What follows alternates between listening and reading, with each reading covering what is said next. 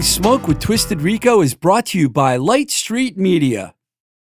This podcast is supported by Joe's Albums. You know how much I love vinyl and go in the record stores. Well, my favorite stop these days is Joe's Albums. Joe has two fantastic locations the original store at 317 Main Street in Worcester, Massachusetts, and their newer stop out in the hipster college town of Northampton at 5 Market Street. Both stores have a great new releases section and a huge assortment of used records. You want to check out some cool record stores? Check out Joe's Albums in Worcester and Northampton, Massachusetts. And if you really want to geek out, go to joesalbums.com. We're also supported by Baby Loves Tacos, the fantastic Mexican style cuisine joint located at 4508 Liberty Avenue in the Bloomfield section of Pittsburgh, Pennsylvania. Check out the Baby Loves Tacos website at babylovestacospgh.com. Baby Loves Tacos, where everybody eats. I am really excited to talk to you about my new sponsor, Studio Float. There are so many of us creatives and podcasters who need a quiet home studio. Or maybe you're in a band that needs a soundproof rehearsal space so you can create whenever the mood strikes. For most of us creatives, noise control is a big issue. Studio Float is the simple solution. Studio Float makes inexpensive, high performance, patented sound isolating products called ISO for use in new or retrofit applications.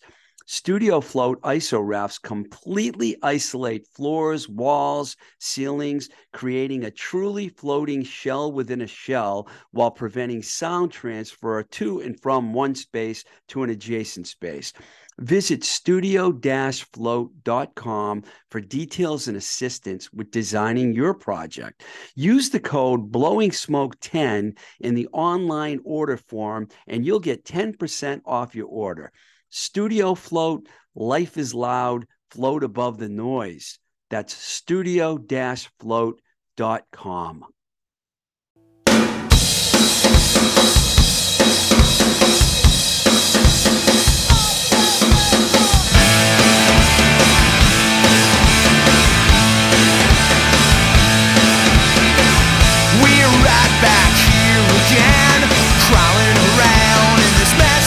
studio float.com. together just to pull it all apart. Thinking that we're clever,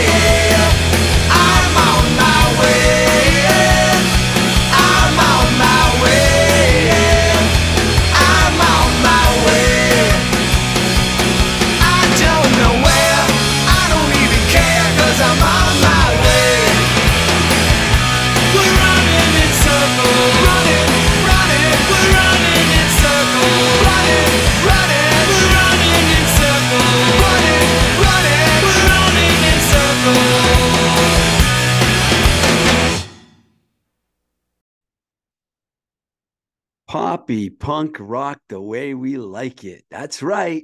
Today on the show, we have a punk rock legend, co owner of the ultra cool Side One dummy label, comedian Joe Sib. And away we go. Welcome to Blowing Smoke with Twisted Rico. I'm your host, Steve Ricardo. You just heard On My Way from 22 Jacks with Joe Sib doing the singing.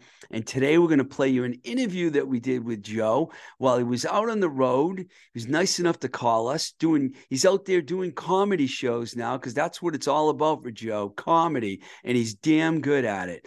We had a fun chat talking about two of the fantastic bands that Joe was in uh, punk rock heroes Wax and the punk supergroup 22 Jacks. And of course, we talk about his growing comedy act, which is really good. Uh, he zoomed us from Naples, Florida, where he's out there supporting another legend, Jim Breuer. Uh, in our interview, we talk about as much as we can. We we start off talking about Joe's upbringing in San Jose, California. Of course, the outstanding '90s band Wax, as we mentioned, which got signed to Interscope and had a nice run. His label Side One Dummy, which has been home to several great bands for over 25 years now, including, of course, 22 Jacks and bands like Anti Flag, The Gaslight Anthem, Big D and the Kids Table, and a great new band that we love around here called Plasma Canvas, who just put up put out an impressive new album. Uh, Joe started doing comedy a few years back, and these days tours as a music as a comedian, and he's on a bit of a roll. So we talk about that a lot. I personally had a blast getting ready for this interview because I went back and I revisited Wax and 22 Jackson. Man, these are two really great bands. Um, and you know i like the whole punk pop vibe so it doesn't get much better than this. So i'm really excited to play this interview for you. Before we actually play the interview with joe i just want to remind you that if you head over to studio-float.com and use the code blowing smoke 10 in the online form you'll get a 10% discount off your order. All right, let's get down with it. Uh, here I am talking with Joe Sib. And away we go. Hey, man, I know you're on the road right now down in Naples, Florida. Uh, I, you know, and you're there for like four nights in a row. So I imagine you're probably doing the same club, right? Yeah, we're down in uh we got here last night and uh night before we were doing uh God, we were, we were in Tampa and now we're in Naples, Florida, and we're at this really cool club called Off the Hook. Nice. Yeah, with Jim Breuer, right? Yeah, yeah. So I've been uh I'm out on the road with Jim and uh it's been great, you know, featuring for him is just it's the best. It's shows are killer. It's a great hang.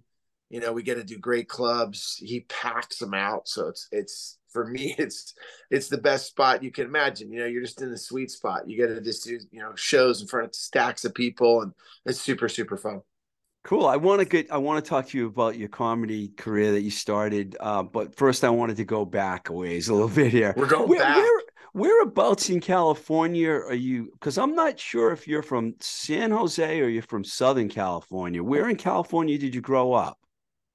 I grew up in San Jose. I grew up in San Jose. Uh, my mother and father moved to Santa Cruz originally, and then San Jose is about I don't know, say 30 minutes away from Santa Cruz. So I grew up in Santa Cruz. My mom and dad split up when I was about 10, and my dad moved to San Jose, and my mom stayed in Santa Cruz all the way up until she passed away last January. And she, so she, she remained there. And then my dad uh, stayed in, stayed in San Jose, the Bay Area up until about four years ago. He came down to San Diego uh, but I ended up moving from San Jose to Los Angeles right around uh, 89, 90 and remain there until now. I'm in Oceanside, California now. Oh yeah, Oceanside. Yeah. So that's uh isn't that down there San Diego?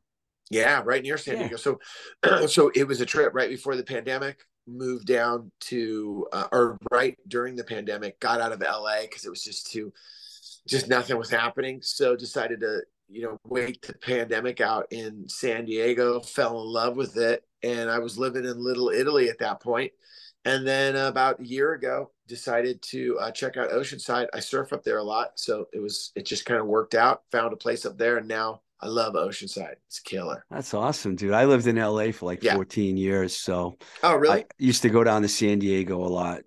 I love san yeah, diego san diego's kind of yeah san diego's the getaway from la for sure. At first it was just to stop going to tijuana but then i started going there more often you know uh, once i got to know the area um, when you were growing up in Northern California, what, what, was that like, and when did you start listening to music, and what kind of music were you listening to? I mean, for me, growing up in Northern California, um, you know, as a little kid, I lived I lived out in the middle of nowhere. We lived in the Santa Cruz Mountains, and uh, growing up in the Santa Cruz Mountains, you know, we were on five acres of land. My parents uh, had this idea to have like a horse ranch, so they had a horse ranch out there. Oh wow! Yeah, like my dad was still teaching at that point. So the idea was they were going to kind of, you know, they they were they were definitely people that wanted to have they wanted to get off the grid a bit. You know, they my dad worked and my mom ran this horse ranch with them and then on the weekends they did that together and you know as far as music went it was the sevs so like in the 70s it was everything from what my parents grew up on Jerry Vale, Frank Sinatra, all that. But then, you know, a lot of music like Elton John, the Eagles, and, um, you know, uh, Jim Croce, all that started kind of that that really is what I really remember being a part of growing up in the music that I would hear around the house. And um, we had this stereo and I always love to tell people like it was like that's kind of where I learned how to DJ because my parents would have parties and when they had these parties, they'd invite all these people over. And, you know, I was kind of like in the background, like, all right, Joey, time to go to bed. But since I knew how to like run the stereo and I knew the music and stuff, I'd go over there, like one record would end, I'd put on another record. So I was able to stay up with the adults.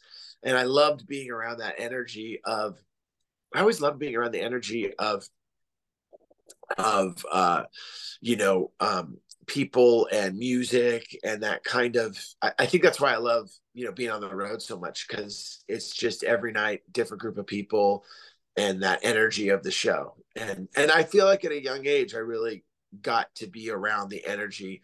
It, it was almost like growing up in my living room was like growing up in a backstage because there were so many people coming and going and I just I really enjoyed meeting different people and also there was always music on. There was a soundtrack on it all the time when did you veer towards music that you liked more from what your parents uh, what you grew up on? Man i would i know exactly when that happened. Basically right around the time that i was gosh i was uh, my parents got separated and my dad had me um you know i'd come to visit him on the weekend.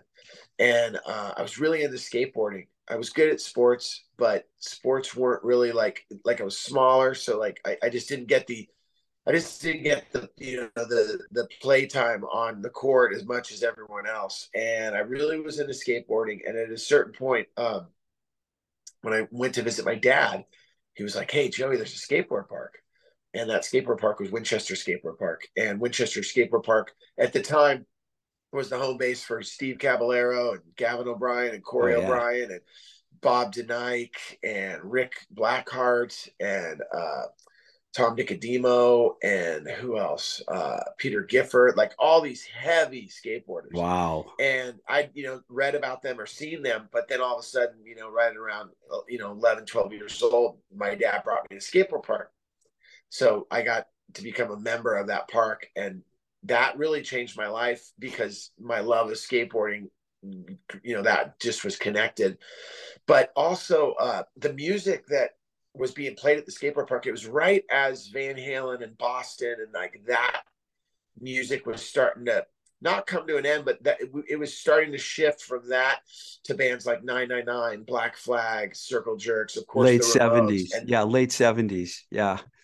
And that music really, for me, you know, Black Flag, 999, Circle Jerks, all that just really spoke to me and I was like, "Oh wow, okay, I get it now. This, this, I'm really into this." So it was that was that was something that was super cool, you know, and that that definitely was a game changer because skateboarding and punk rock at that moment. Um, I didn't, you know, I didn't start going to shows because I was in seventh grade, but my interest and my I wanted to find out so much about it. So I I, I really um, it, you know at that time you would call it research, but research meant finding an older kid that had a brother that had right. a record player that maybe might have a Black Flag seven inch. So that was really um, like my pursuit at that point. Did you play an instrument at all when you were young? Um, when I was younger, no. I mean, for me, um, I started playing bass when I was in high school.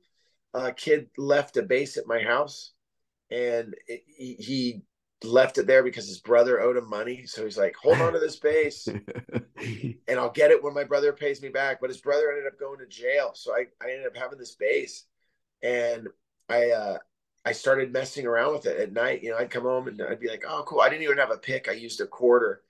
And then I had some friends kind of show me like different, you know, different songs and different, you know, ways to play.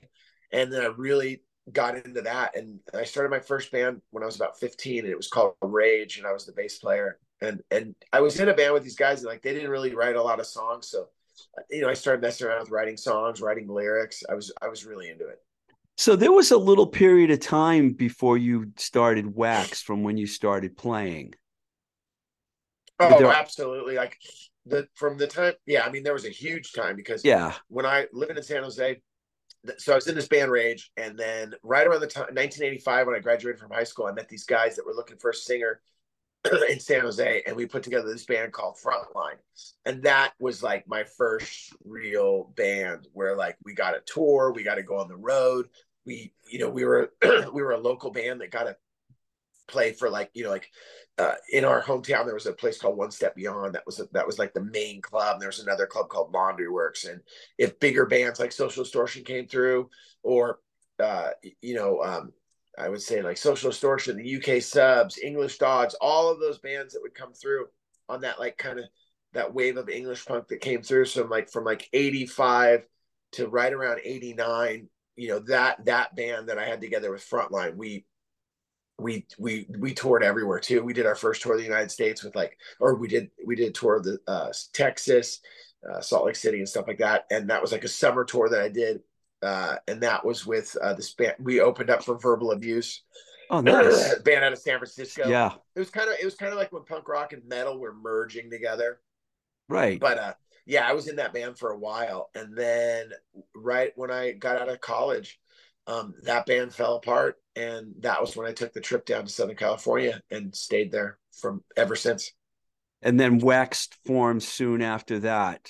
Yeah we i got together with wax so i got down there probably in like i don't know 90 and uh, probably 91 i was down there by 91 for sure and i was living there and i was living on sunset and fuller uh, Sunset Boulevard and Fuller in in Hollywood, and uh, I I met a I met some people that I knew from coming down there, and it was the classic thing, you know, just couch surfing, trying to find a job, trying to find a place to live, trying to get your foot in there, and at the same time, I was trying to you know find people that you know maybe I could start a band with, and I didn't really I didn't know anyone except a handful of people. I knew Steve Soto, but he lived in Huntington Beach, and I didn't know the distance between Hollywood and Huntington Beach at that point. And I had some friends in Venice Beach.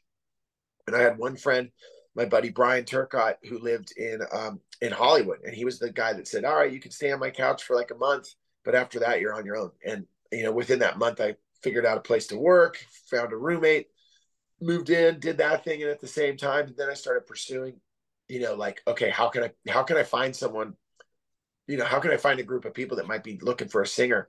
And um, at that point, I remember, you know, different bands coming through. I remember the Goo Goo Dolls were coming through, and I was really into them. they had just had that record come out on Metal Blade. Yeah, I was working I at was... Metal Blade when that record came out. Actually, yeah, yeah, yeah love that record. Yeah, uh, Hold Me Up. Right, Hold right. Me Up? Yeah. Oh my god. We had a few, so... a couple. Of, Jed was also on Metal Blade too. We had a god. few of their records. I just love that record. Hold Me Up was a game changer, and then. I was really into them. I was really, and then what was funny was they came to town to do a show at uh, English Acid on like a Monday night, and I went to it.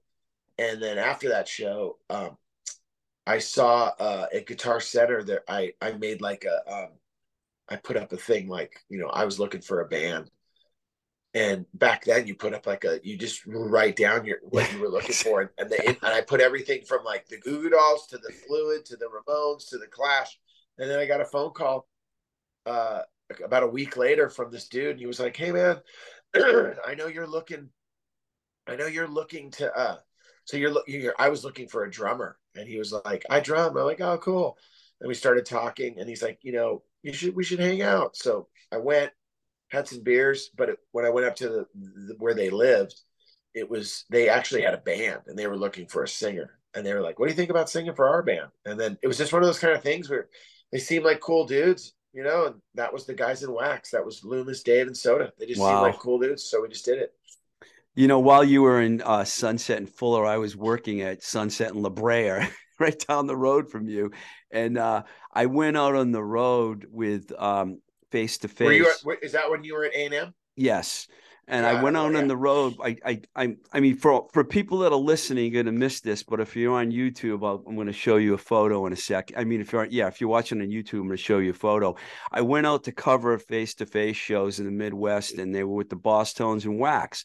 It was around the time that you were supporting 13 Unlucky L- Numbers, which yeah. I think was the Interscope record, right? Yeah, that was the Interscope yeah. record that originally came out on Side One Dummy, and then we got signed we got signed to Interscope, but that tour with the Mighty Mighty Bosstones and Face to Face, that's like that was the that tour was probably the best and like we had all toured like I toured before, but being on tour with the Bosstones was just a whole nother whole nother level. It was just packed shows and it was oh, amazing. Oh yeah. This this is the photo if you're watching on YouTube. That's Joe Sib and myself, 1994 five or six or could even wow. be four. I'm not even sure.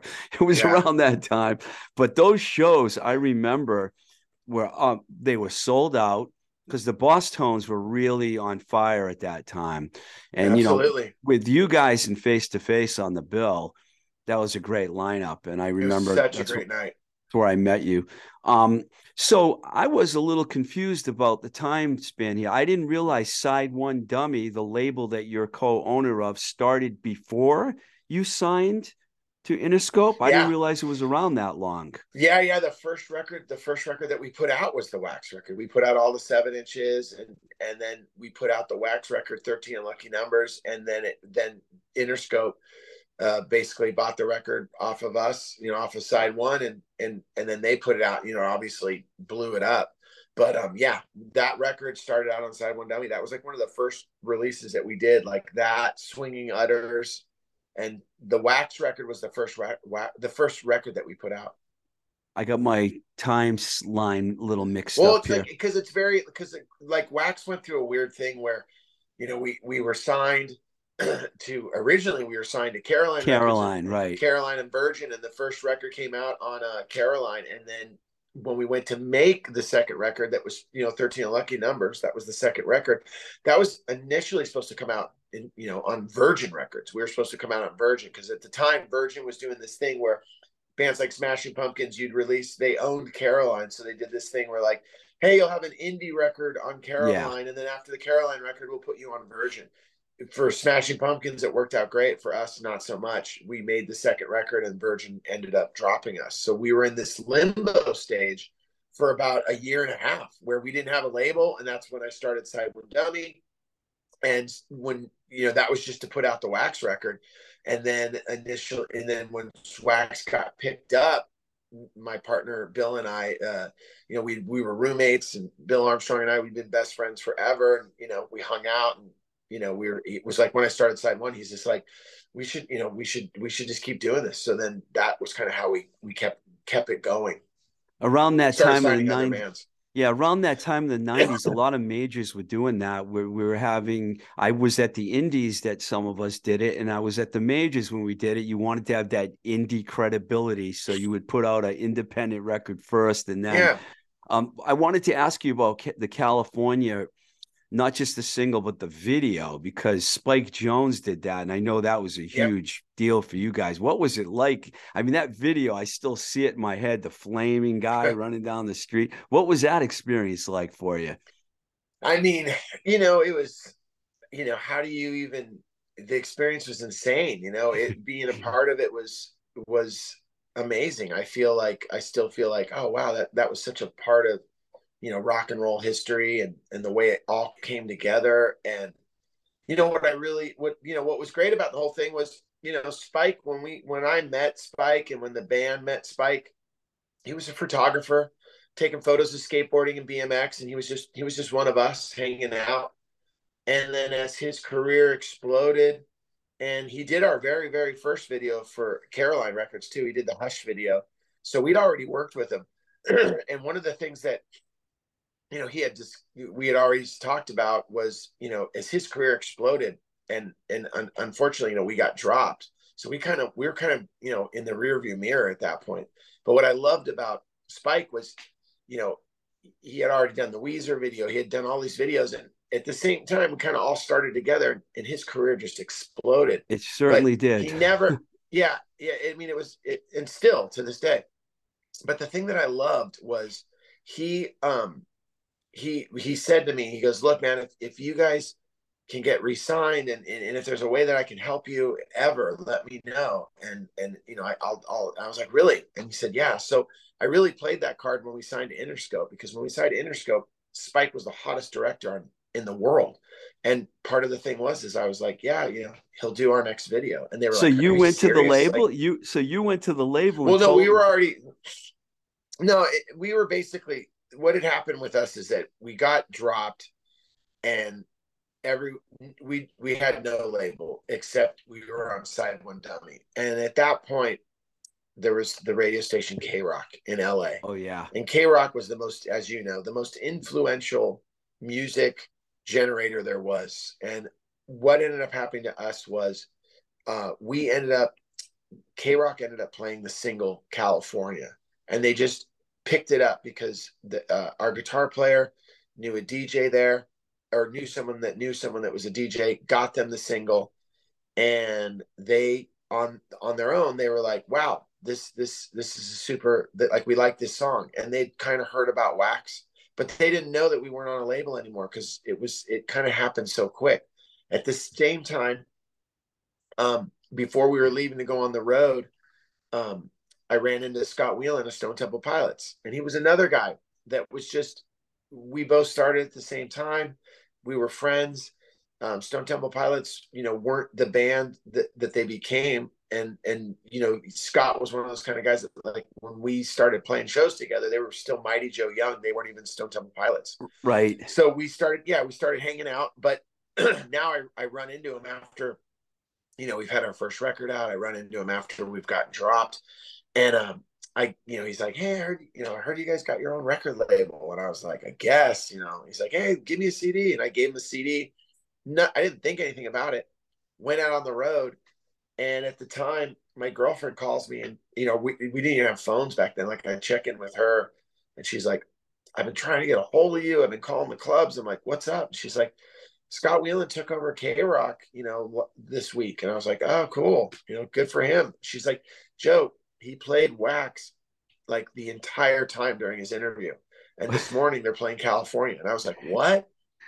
And it happened seriously that quick that wow. we went from having nothing going on to everything. And then that's basically what ended up happening was, you know, we had every record label that had passed on us wanting to sign us just because we were on K- just because we are on KROQ.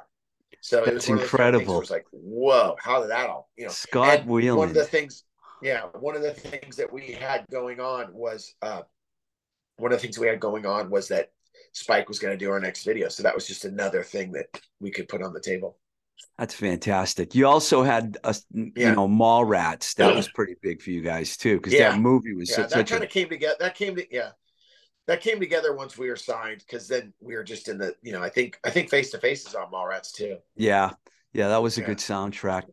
Um, 22 Jacks, I got to keep this moving because I want to get to your new career, which is really booming. uh, 20, 22 Jacks seem to have the, the buzz from day one. People started calling it a punk supergroup. Steve Soto yeah. and you together. Um, before I forget, man, I, I know that you were probably close to Steve and he passed away oh, yeah. a few years ago, man. If you want to say a few words mm-hmm. about him, he was very well loved guy. Gosh, I mean,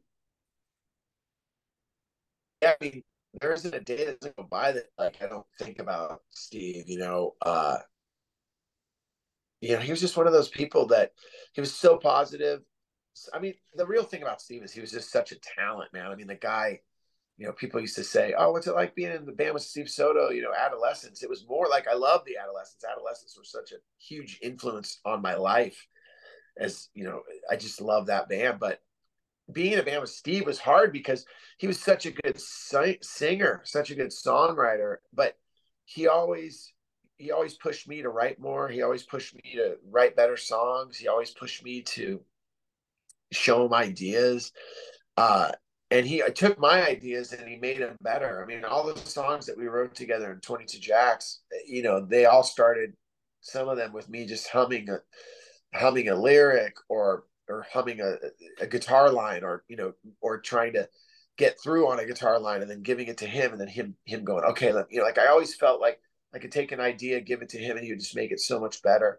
Uh, I really loved I loved touring with him. I mean he was he was one of my best friends. Uh, you know he the thing I loved about Steve also was for who he was he never carried himself as a guy that thought he was better than anyone. You know, he, he anyone would approach him, that, and he loved talking about music. I I don't know how many times we'd be hanging out, and I would just ask him questions, and and he would just tell you amazing stories, whether it was stories about the germs or whether it was stories about Legal Weapon or tour stories about the adolescents. So being in a band with him was amazing. And I was really close to his mom and dad. You know, they knew me since I was a little kid. And I knew Steve since I was like I was I, I was friends with Steve when I was like 20. So like we had this friendship from the time I was like 20 till till the very end. But the fact that we got to play in a band together and, and make records together and, and tour together was was amazing. Yeah, that band did really well too. Um now you guys yeah. actually you, you've gone through some lineup changes, but the band actually still is still a band technically, right?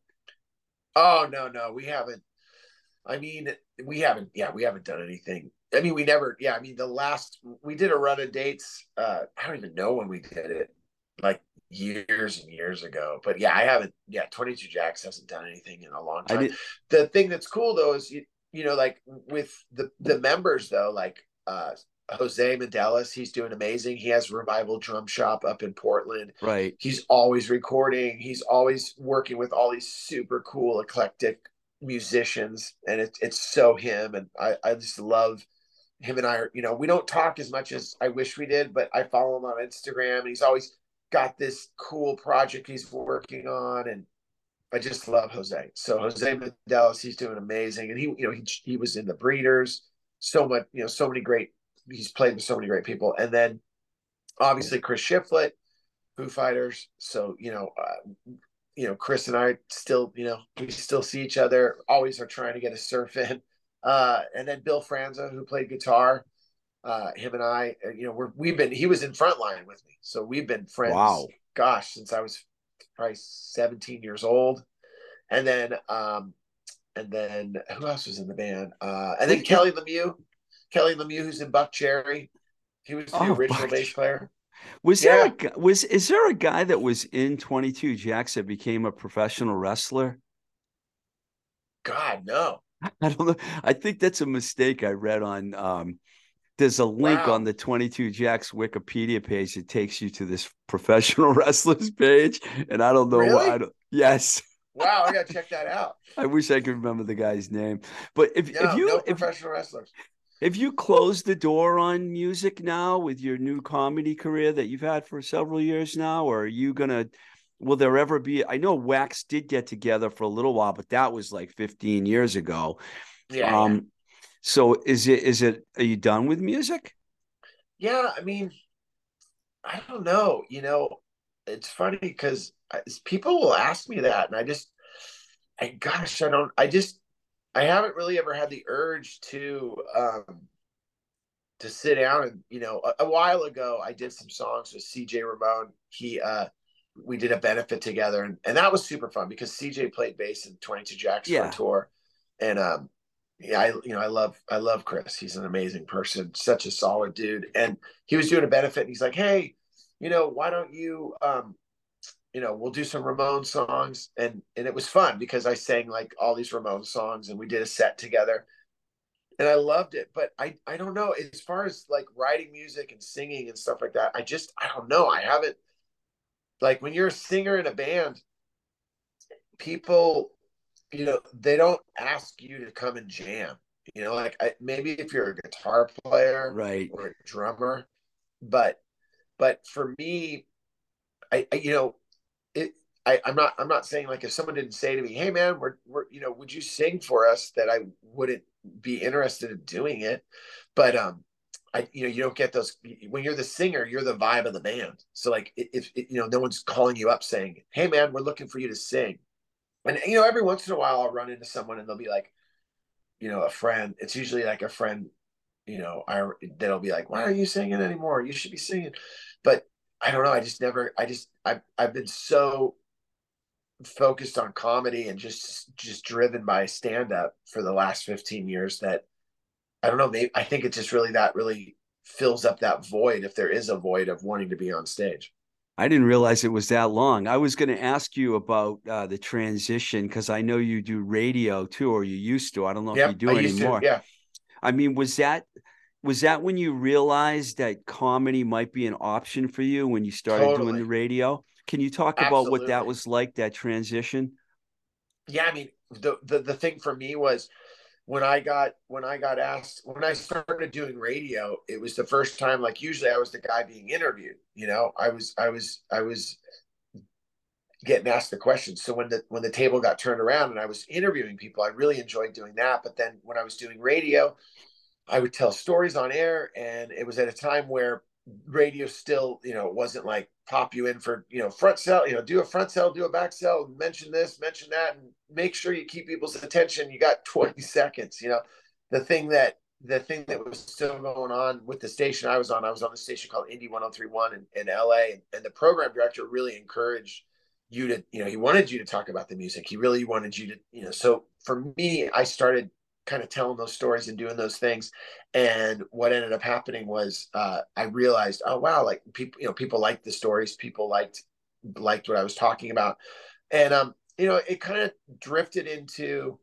I don't think at the time when I was doing radio, I was like, oh yeah, man, I want to do stand up, but it definitely turned into like, oh wow, you know, like people like my stories, and then I'd always toyed with the idea of doing kind of like of a one man show. And that was really how I got into stand up. I wrote this one man show called California Calling. Yeah. And I did that in LA for a while and I did that around the States. And it was a show with photographs and stories and it was funny. And then there was other parts that weren't funny and it, it really worked together. But I ended up doing it at the improv in LA and Hollywood. And the woman there was, she was like, you got to do your show here. I did it. It did well. And then she said, if you ever want to come back and you know, do stand up? I'd love to have you. And I, I was like, wow, I, I think, aren't I doing stand up? she's like, no, you know, you got to come back and be funny in like seven minutes or you got to be funny in 10. And I was like, whoa, how can you even do something in 10 minutes? And that really began the, the, the, the journey of me wanting to start doing stand up when you st- when you started doing those shows, what were the first few live shows like for you? Were you nervous? I mean, did you were you comfortable? I mean, how did that work? I mean, I, I was definitely. I mean, the thing was, you know, you're always nervous. You know, you're always like, oh well, you know, like I wonder how this will work. But um, I was fortunate this, you know, by being in a band for as many years as I was, and being on stage, and I think being someone that you know played music and and you know playing music and punk rock. You know, it's a very hostile audience, so it's like yeah. I was I I you know, I wasn't afraid of being in front of the audience at a comedy club because I was used to being afraid. I was used to being in front of an audience that was like a group of skinheads or a group of people that, you know, definitely didn't like your band and they, you know, they vocalized they didn't like your band. So I knew that wouldn't happen in stand up. And um, I was also lucky that my with my stand up too, like I I I, I I knew how to get laughs. They weren't probably the best laughs, but I never I never went out there and bombed so bad that that it was terrible and that I couldn't pull it off. And that's only because I was used to being on stage and I knew how to kind of read the audience and but my material was terrible, but at least I knew how to go up there and do it so that I could get by.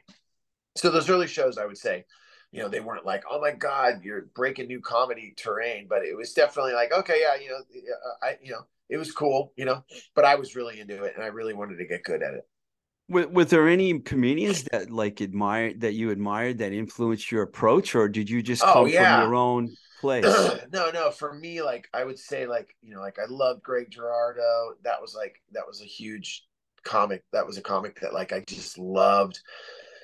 You know, that was someone that I really, really just yeah, like I loved his approach. I loved the way I just loved everything about him. And then, um, but then you know, as a kid growing up, I grew up with the Richard Pryors, to you know, the uh, George Carlins, uh, Robin Williams, Steve Martin. So I had the foundation of watching and listening to great comedians. My because my dad used to turn me on to a lot of comedy, and you know, I was a kid of Saturday Night Live and all of that. So like, I was really able to see and hear all of that. But but at the time going in to do stand up from from the world I was in coming from music I definitely was on my own you know there wasn't like there was like I I would almost say people that knew I was a guy from the music world coming into the comedy world I wouldn't say that I was welcomed with you know like everyone was stoked I was there like I was coming from a band perspective like hey you know in comics are very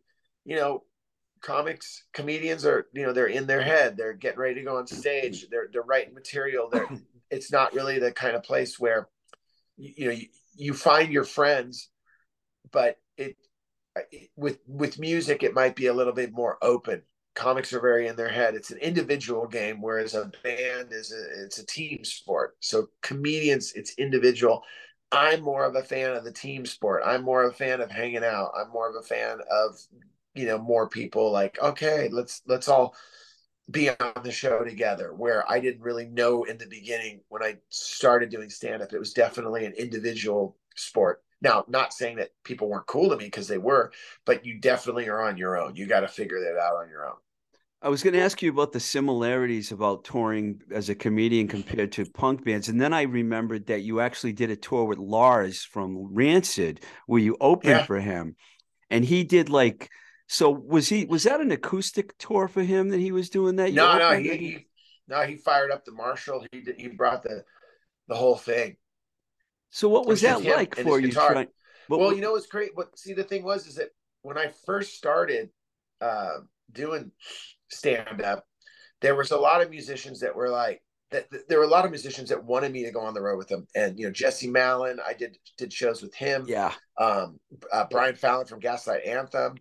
But when I started 15 years ago, comedy and music had it. They, I mean, over the years, historically, you know, you have Sam Kinison and Motley Crue. Like, you know, you have the you have the crossover, but you know, and even with Jim Breuer, you have the crossover. You know, Jim's done all the stuff with Metallica, but the thing that the thing that really like comedy wasn't as accepted, I think, with the music crowd. And then what what ended up happening over the last 15 years is you got you got you know you got like guys like Bryan Adams bringing out comedians. You've got bands bringing out different comedians. And what I think's happened because of the boom of comedy was, and at least I experienced it on that last tour with Lars, was Lars brought me out and it was just me and him. There was no band before me, and the place would be packed and the Lars's people made it clear to everyone, hey, there's a comedian before we go on before me, Lars. So like, and what ended up happening was I think the years and years and years of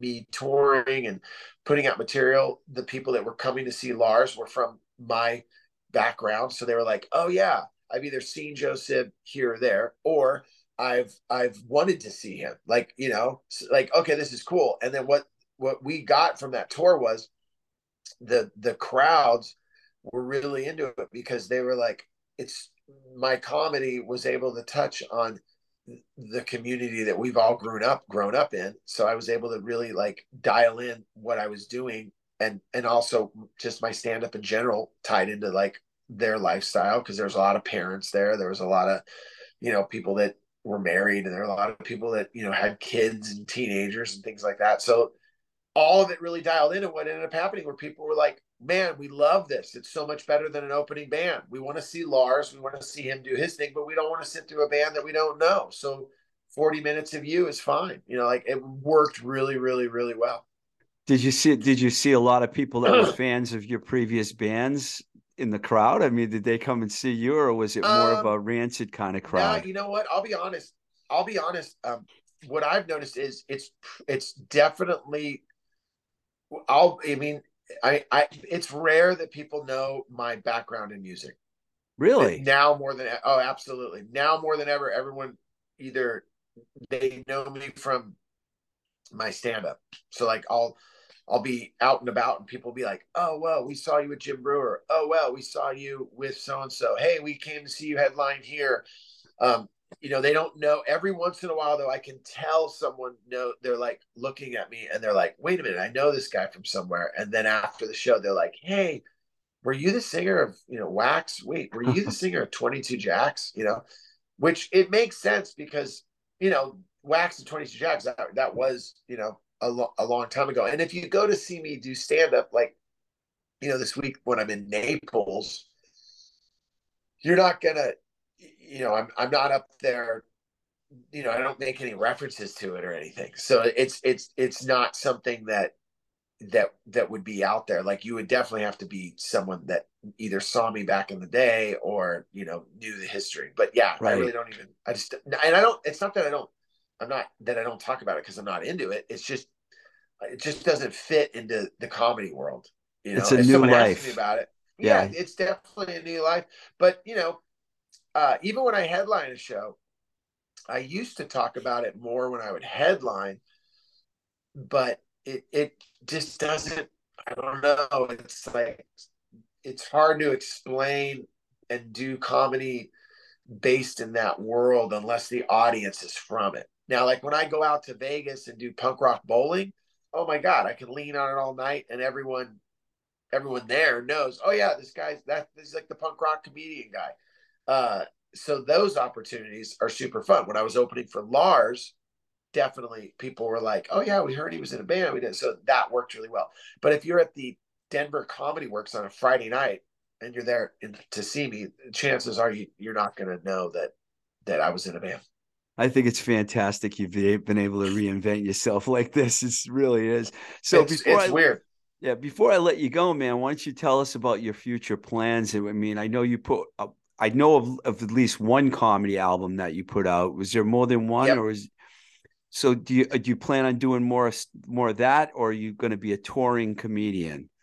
Yeah, I mean, right now, uh, I uh, I released that one record on 800 Pound Gorilla and then they're going to put out a video uh this i released this e i released like this mini special uh in um in november of last year. And that's like a 25 minute set of mine just to you know let people see what i'm up to and check out my set. And then okay i'm gonna sneeze. Sorry bless that. you. Um you can edit that out. Um, probably not, not. you know?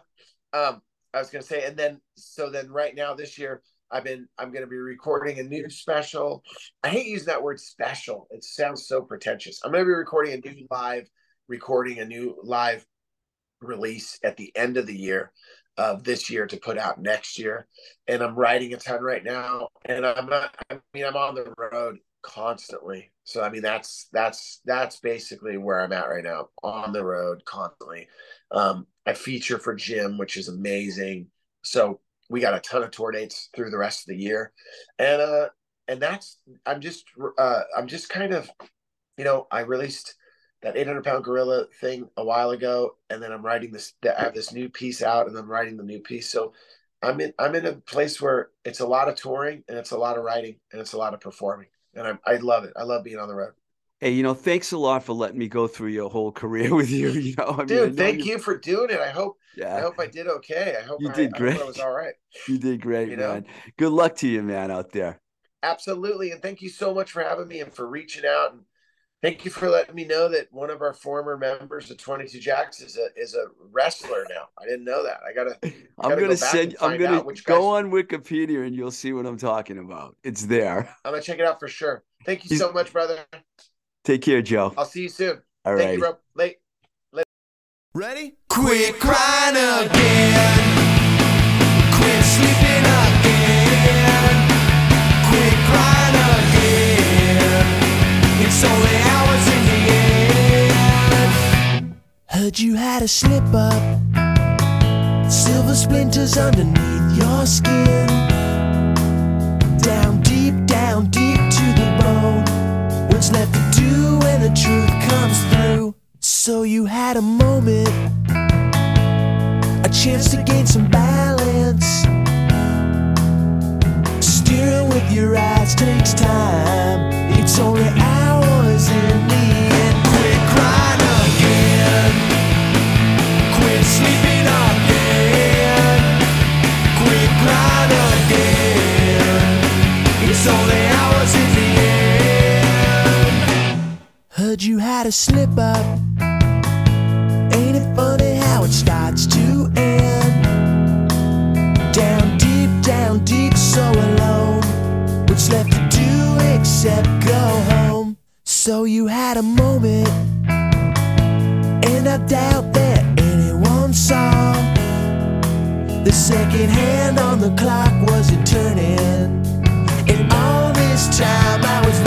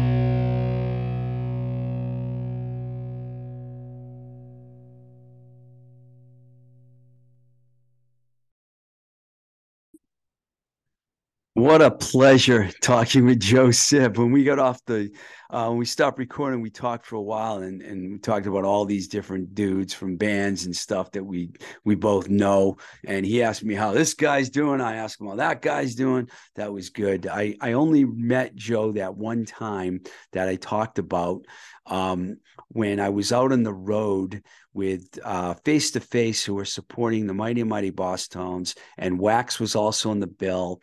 I think it was in Columbus, Ohio.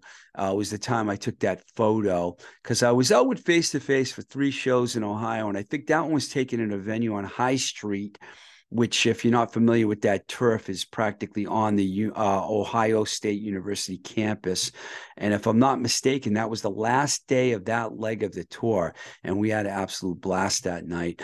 Um, I did not mention that right after the interview, we played the song "Quit."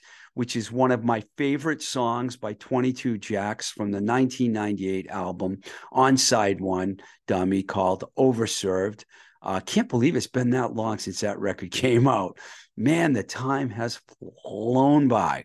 It was really hard picking two songs out, by the way, for this show, but I opted to go with a couple of 22 Jack songs um, because uh, I love that band. I really like Wax a lot too, you know, like I mentioned in the interview, California, great song, a lot of great songs by them. Um, thank you, Joe for coming on the show. And I also want to thank Shayna from our production staff for actually contacting Joe and working out all the details, uh, scheduling details, because it's tough scheduling people when they're on the road. And Joe's on the road a lot. So I'm really happy that all happened. I just want to remind you that we have a Patreon account and you can support the show there. It's patreon.com forward slash twisted rico. And you can reach me anytime at twistedrico at gmail.com. We're also available on all social media platforms. And I urge you to check out our YouTube page. In fact, you can actually watch the Zoom interview that I just did with Joe Sib on the YouTube page. All right. And we got a lot of good shows coming for you, a lot of great guests. Wait till you see some of the guests we have. I am really excited about the direction of this podcast, and I appreciate you out there supporting us. So thanks again for listening. Until the next time we say goodbye, this is Blowing Smoke with Twisted Rico. I'm your host, Steve Ricardo. Keep the rock and roll alive. Blowing Smoke with Twisted Rico is brought to you by Light Street Media.